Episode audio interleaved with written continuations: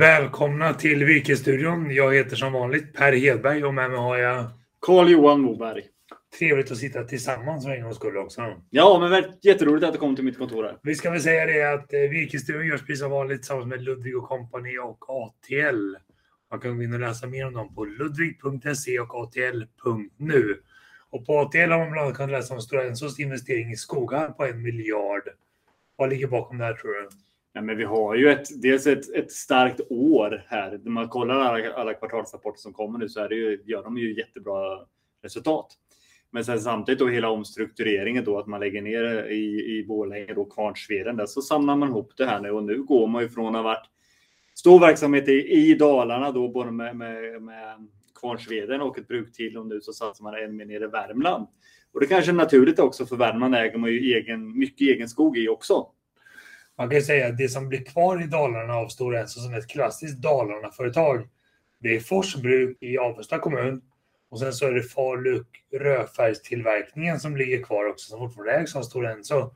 Men jag tycker att Stora Enso har gått från att vara ett Dalarna-företag och blir nu mer och mer ett Värmlandsföretag. Det är så jag upplever Man har fortfarande kvar huvudkontoret för skogen åtminstone uppe i, i Falun. Då. Men det är väl snart det enda man har kvar.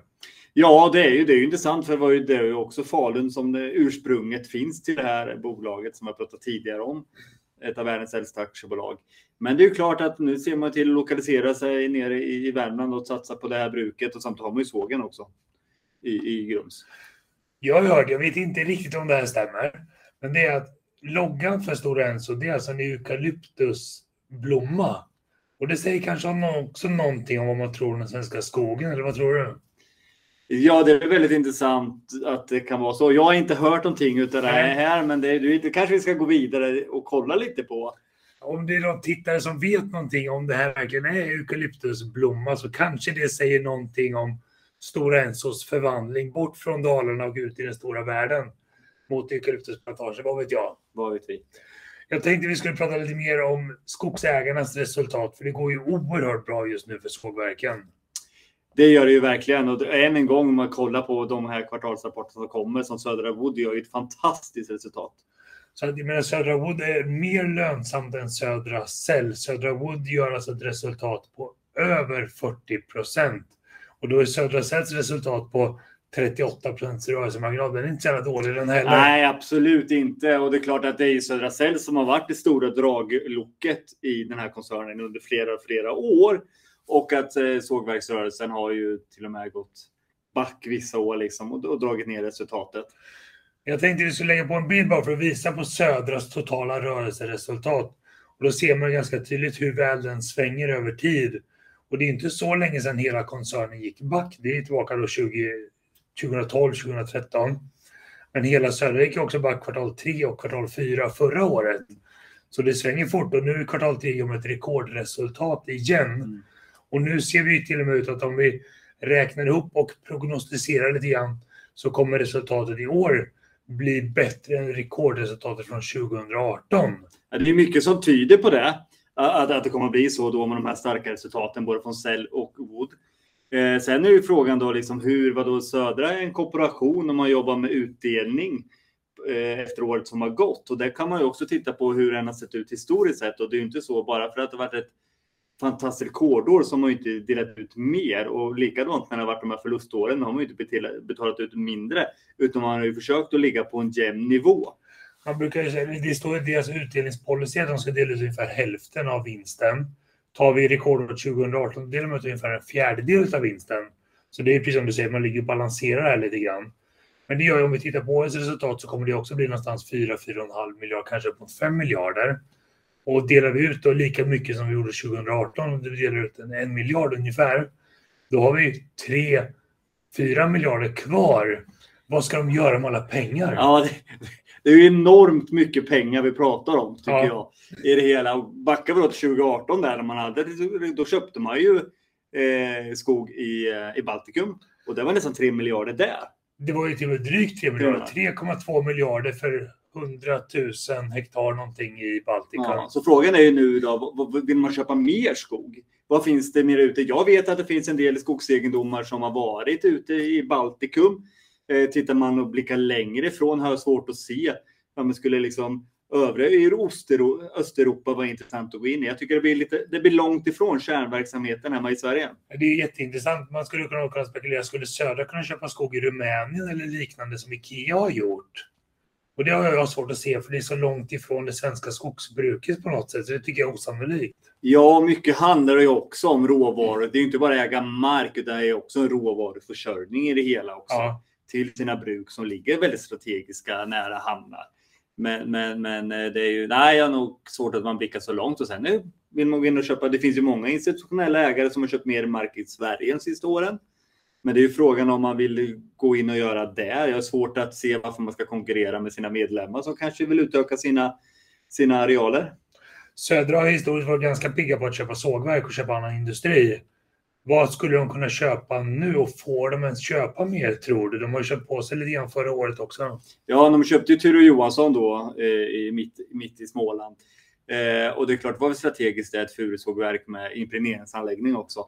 Men frågan är ju då, som du säger, får man köpa mer? Det finns ju faktiskt en, en, en, några som tittar på det, en konkurrensmyndighet, så att man inte blir för stora och för dominerande.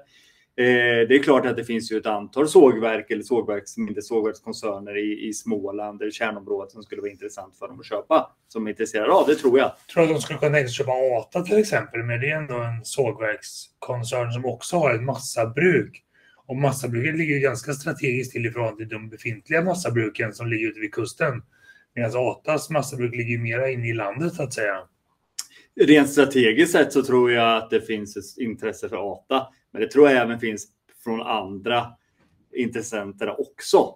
Så det är nog inte bara Södra som är där och tittar. För jag menar, när vi ser de här otroliga lönsamhetsnivåerna i sågverk, det borde få några att vilja sälja och det borde få några att vilja köpa. Så det öppnar ju upp för lite strukturaffärer, åtminstone rent teoretiskt. Ja, men det gör det alla gånger. Men sen också om man tittar på det på de här anläggningarna de har. De har sina bruk, Södra, och de har sina sågverk. Vad finns det så utvecklingspotential här?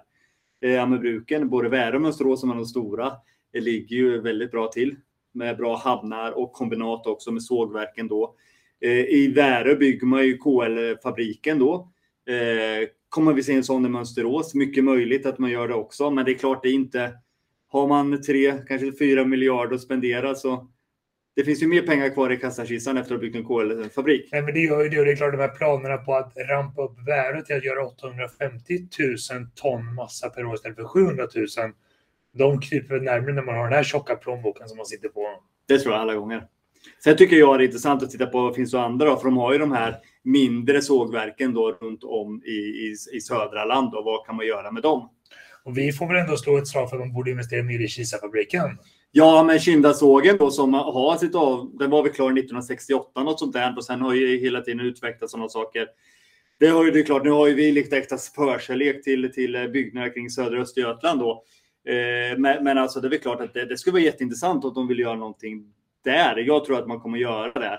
Men där är också lite större saker. Det är, det är ett sågverk som ligger lite inklämt mellan eh, sjöar och, och eh, tillfartsvägarna är inte optimala. Så det blir kanske en större investering också vad gäller logistiken kring det hela. Tror du någonting överhuvudtaget på att man etablerar helt nya fabriker? Man gör nya massabruk, man öppnar nya sågverk.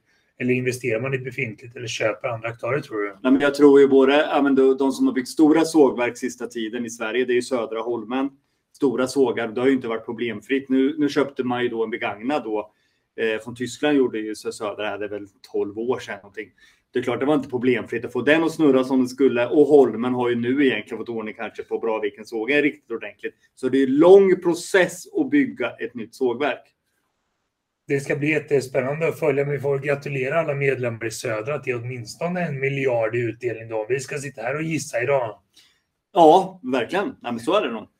Tittar vi på Mellanskog som nästa skogsägarförening om vi rör oss norröver, så de äger ju hälften av Setra och Setra går ju också otroligt bra lönsamhetsnivåer som vi aldrig har skådat. Så att jag tror att Mellanskogs medlemmar kan se fram emot en utdelning som man nog inte haft tidigare. Nej, det, det, tror jag också. Sen ska man ju också ställa sig frågan. Vi vet att det finns ett uppdrag för andra delägaren i Setra, det vill säga Sveaskog, har ju ett uppdrag att sälja sin andel i Rera. Det, det, det har de haft under många år. Och det kanske nu man kan göra då, för nu är det bra betalt för sågverksrörelsen och påverka där då den enskilda mellanskogsmedlemmen. Hade det inte varit intressant om Mellanskog köpte ut Sveaskog ur Setra? Jo, det är klart det hade varit, eh, varit väldigt intressant, men jag tror inte att det finns de musklerna. Rör vi oss ytterligare längre norrut, då kommer vi till Norra Skog. För de årets första åtta månader så gör de en halv miljard i vinst, drygt. Mm. Och det är utan det som man får ut från Husums fabriker som man äger en del i också. Så att de här gör ju också ett jättefint resultat. Och även här kan vi förmodligen medlemmar se fram emot en god utdelning. Ja, det har de ju tagit ett inriktningsbeslut också, att det är just den här halv miljarden de ska dela ut varje år. Och ska man kolla så, då kan man ju inte se det så. Men nu har de det i kassan. Nu skulle de teoretiskt kunna göra det. Nu har de tjänat ihop sin halva miljard som de kan dela ut, så det är väl jättebra. Ja. Men samtidigt ska man se det också. Hur har de sett ut? Hur, hur har prisutvecklingen sett ut? Ja, men deras prislistor under året har ju inte förändrats någonting. Nej, Så att så, som, som medlem i, i Norra Skog så, så, så ska man ju verkligen se till att man får maximalt av virket direkt redan med virkesaffären. För det är alltid svårt att kalkylera, hävdar jag, liksom en utdelning. Oavsett om det är en utdelning från en skogsägarförening, en kooperation, eller om det är en utdelning från ett, ett börsbolag som man har investerat i. ja. Det vet man inte för stämman är klar hur mycket man får. Och det svåra med utdelningar från skogsägarföreningar är också att de kommer lite grann på virkesaffären, de kommer lite grann på insatt kapital och lite grann på emitterat kapital. Så det är lite olika klasser och så där också. Så det, det är svårt att jämföra med ett publikt bolag. Ja, ja, men det är det. Och sen är det ju också så just en kooperation. Det finns ju de, de här delägarna har ju så väldigt skilda eh, vad ska man säga, mål eller vad, vad, vad vill de ha ut egentligen? Det är ju jättenöjda med att få lite. Om det vill kanske ha mycket, mycket mer. Vill man höra mer eller läsa mer om hur det går för skogsbolagen, då tycker jag att man ska vara med på vårt webbinarium som vi kör den 2 november. Och då går man till www.virkesborsen.se KV3. Och där kommer annat Skogsindustriernas VD, skogsdirektörer från LRF, VDn för SCA och VDn för Setra vara med och ta lite avstamp i hur det har gått i Q3. Och sen försöker vi blicka framåt så gott det går om vad vi tror om virkesmarknaden framöver. Så gå in och anmäl er till det webbinariet också. Och då är även Ulf Aronsson med från ATL. Det är ju inte bara vi. Absolut, så är det. Nu ska vi ta en liten jingel från en av våra samarbetspartners. Det gör vi.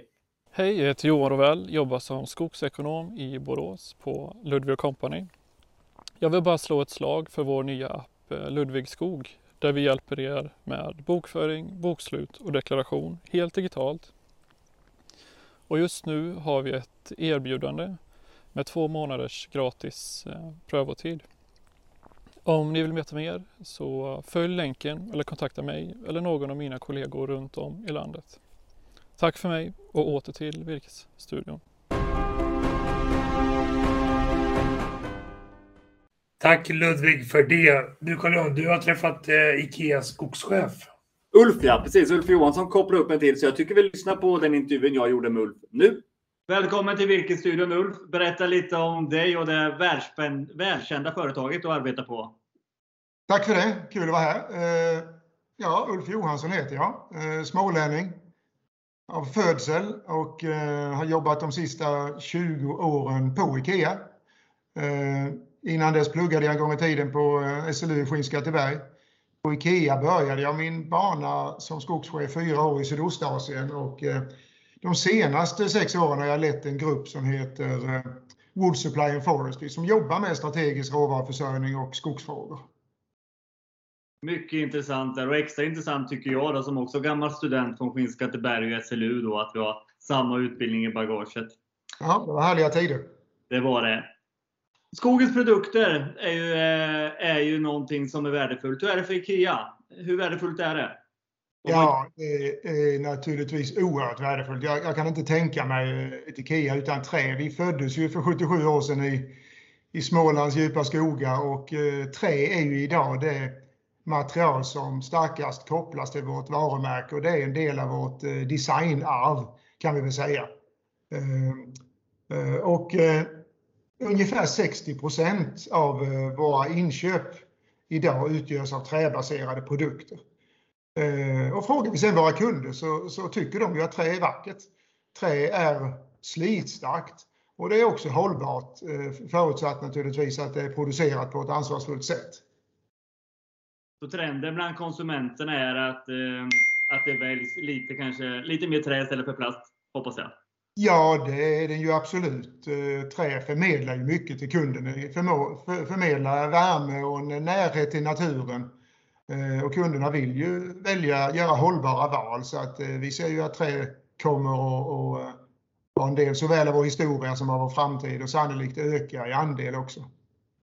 Ja, men det tror jag alla gånger. Och sen hållbarhetsfrågan som du nämnde, den är ju intressant. Hur jobbar ni med den då för att säkerställa det här? Då? För att det är ju det är en ganska komplex kedja då från, från stubben någonstans i skogen, någonstans i världen till ett IKEA-varuhus någonstans visst, i världen. Visst är det det. Eh, vi använde i fjol trä från 54 olika länder och det är klart de försörjningskedjorna från skog som vi vet med alla de här olika sortimentsutfallen så blir det långa försörjningskedjor. Och att, att eh, träet kommer från ett eh, ansvarsfullt skogsbruk är ju helt avgörande för oss. Både för att vi ska känna oss stolta själva över det vi gör och möta kraven från våra medarbetare, men givetvis också från våra kunder. Så hela förtroendet och vår existens på marknaden bygger ju på att vi sköter det här på ett ansvarsfullt sätt.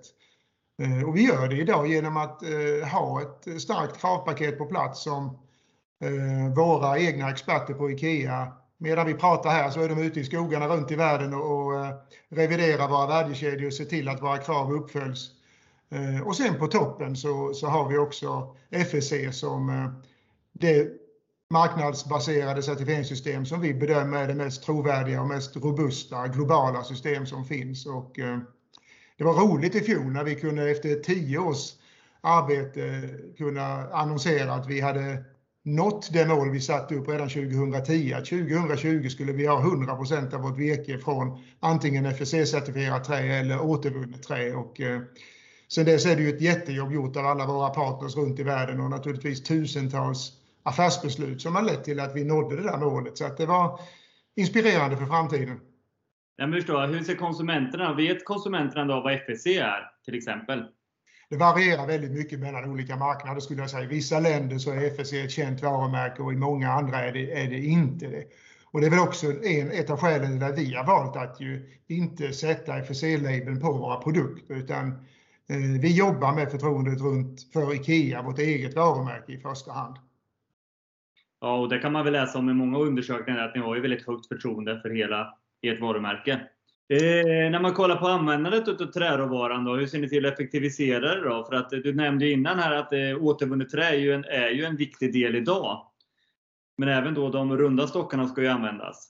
Absolut. Eh, och där finns ju mycket mer att göra. Och det är klart att det, en, en hjälp har vi av att vi eh, hanterar stora volymer som gör att vi kan bygga effektiva produktionsupplägg på mer än en plats i världen. Eh, och jobba med kanske produktion i Asien för Asien och i Europa för Europa till exempel på ett annat sätt än om vi hade haft mindre volymer. Eh, sen finns det ju en jättepotential fortfarande att effektivisera träanvändningen och det börjar väldigt ofta i produktutvecklingen faktiskt, att vi utvecklar produkter som går att producera på ett materialeffektivt sätt om man säger så. Produktutveckling på fabriksgolvet eh, kallade Ingvar det en gång för, för länge sedan och det, det gäller fortfarande. Sen eh, finns det ju andra möjligheter idag som eh, kommer att vara jätteviktiga för oss. Det är ju till exempel att öka andelen återvunnet trä i våra produkter.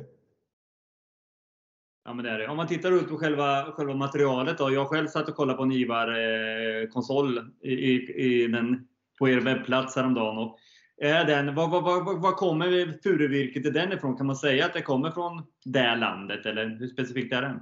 Ja, vi, eh, vi köper ju IVA i ett par olika länder. Då. IVA är ju en obehandlad furuprodukt, så det är, ju, det är ju verkligen en produkt där materialet är kopplat till produkten. Hade den varit vitlackerad hade det varit en annan sak. Men, men, men här är det ju jätteviktigt att, att vi eh, använder nordeuropeisk fura om man säger så. Eller den, åtminstone den norra barrskogsbältet. En brasiliansk fura hade inte gjort sig i eh, och en hel del av virket i iver kommer fortfarande från Sverige, men vi tillverkar också, tillverkar också hyllplan i, i Ryssland för Ryssland och eh, en hel del i Polen. Ja, men det är ju väl en karaktär i den här färska kvistarna från, från furun då som, som, som gör en, en känsla i själva IVAR-konsolerna. Och man kan väl också säga Karl-Johan att om du frågar om trä är viktigt för kunderna så IVA har vi ju haft i sortimentet, jag vet inte hur länge, men säkert en 30 år och den säljer ju fortfarande över IKEA-snittet. Så eh, det är ingen tvekan om att det finns en stor efterfrågan hos våra kunder på IVA-hyllor. Ja, men det känns som en sån här produkt som hela tiden följer med en i generationen på något sätt. Eller är det sin utveckling att man, man såg den när man var, var, var liten, man kanske hade TVn på det stående och nu själv så finns det lite nya modeller utav och man kanske, kanske målar någonting som passar in i den epoken man är i livet på något sätt. Tänkte just säga det, om du är lite händig så kan du faktiskt måla den också. Exakt. Ja. ja. Tiden så har ju eh, debatten om skogen varit eh, på alla ställen, törs jag nästan säga, då, bland annat hög upp i EU och även i den svenska medien där. Hur tror ni då? Kommer det finnas tillräckligt med råvara i framtiden? Jag får väl ge det tråkiga svaret att det beror på. Eh, men eh, vi är ju inspirerade av de möjligheter vi ser i att öka produktionen i skogarna genom att bedriva ett eh, aktivt och ansvarsfullt skogsbruk. Det är ju Sverige ett bra bevis på hur man kan inom ramen för att också stärka biologisk mångfald faktiskt kan producera mycket virke.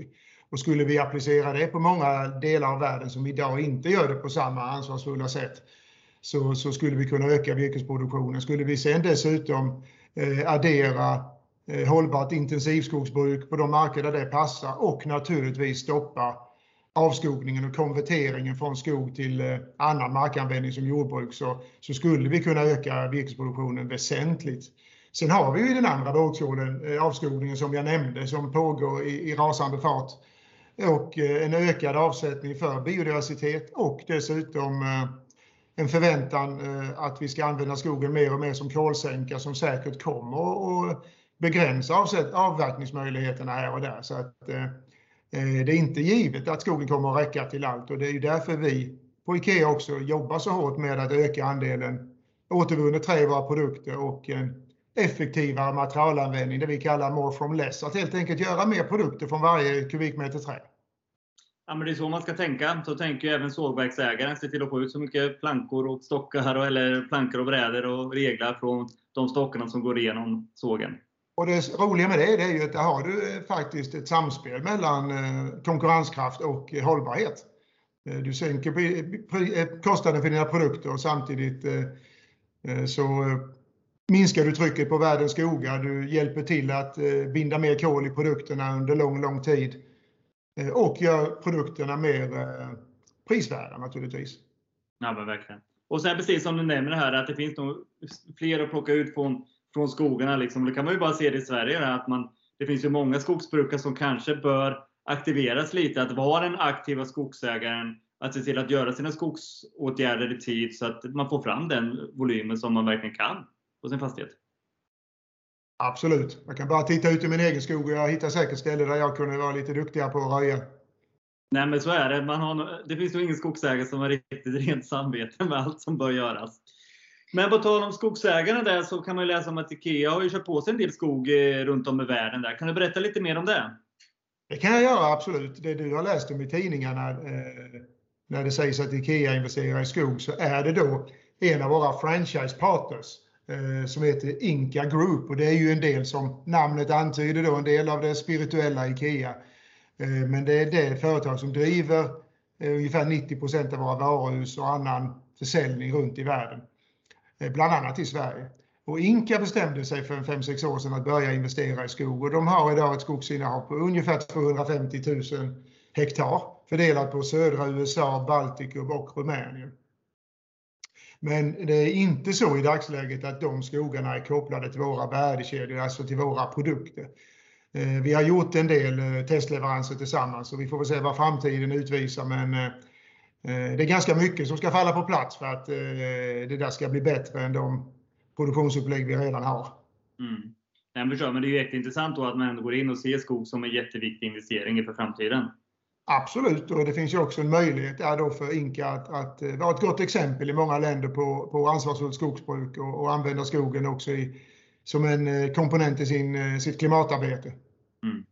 Ja, men det är jätteviktigt. Och man kan ju också ibland läsa om att ni har en hel del, ja, men många varuhus är ju att man har vindkraft och sådana saker, förnyelsebar energi. Och jag kan tänka mig att det kanske är några av de här fastigheterna med som man ser till att utveckla dem världen också? Det, det, kan man ju absolut göra i, i vårt klimatarbete så att, att, eh, så att säga, göra rent framför egen dörr. Att, att, eh, eh, avkarbonisera våra värdekedjor. Det är ett jätteviktigt jobb som vi håller på med nu och eh, vi ska ju se till att vi har ju committat oss till Parisavtalet och, och fram till eh, 2030 så har vi ett jättejobb att göra här att både elektrifiera vår produktion och av, eh, ta bort fossila material och samma sak i produkterna naturligtvis. Så att, trä kommer ju också vara en viktig komponent där att eh, bygga ner vårt beroende av fossila material och där kan vi ju se en möjlighet i att också använda trä i nya träbaserade applikationer som träbaserad textil, träbaserat lim, träbaserade plaster till exempel. Mm. Ja, men just limmet är en jätteviktig komponent om du säger då, om man ska öka andelen eh, eh, återvunnet trä, då är det ju spånskiveproduktionen och där går det åt väldigt stor mängd med lim. Eh, du har, du har alldeles rätt i det. Det är en av de viktigaste förändringarna vi måste göra för att göra våra trämöbler mer klimatvänliga. Absolut. Med det vill jag tacka för ett väldigt intressant samtal. Jag har lärt mig mycket och jag hoppas att jag förmedlat mycket kunskap till våra tittare och lyssnare här på Virkesstudion. Och med det så tackar dig Ulf och jag hoppas att vi kanske kan synas i skogen någon gång och prata lite mer om skogens produkter där. Det får vi hoppas. Tack för att jag blev inbjuden. Tack och hej! Tack och hej!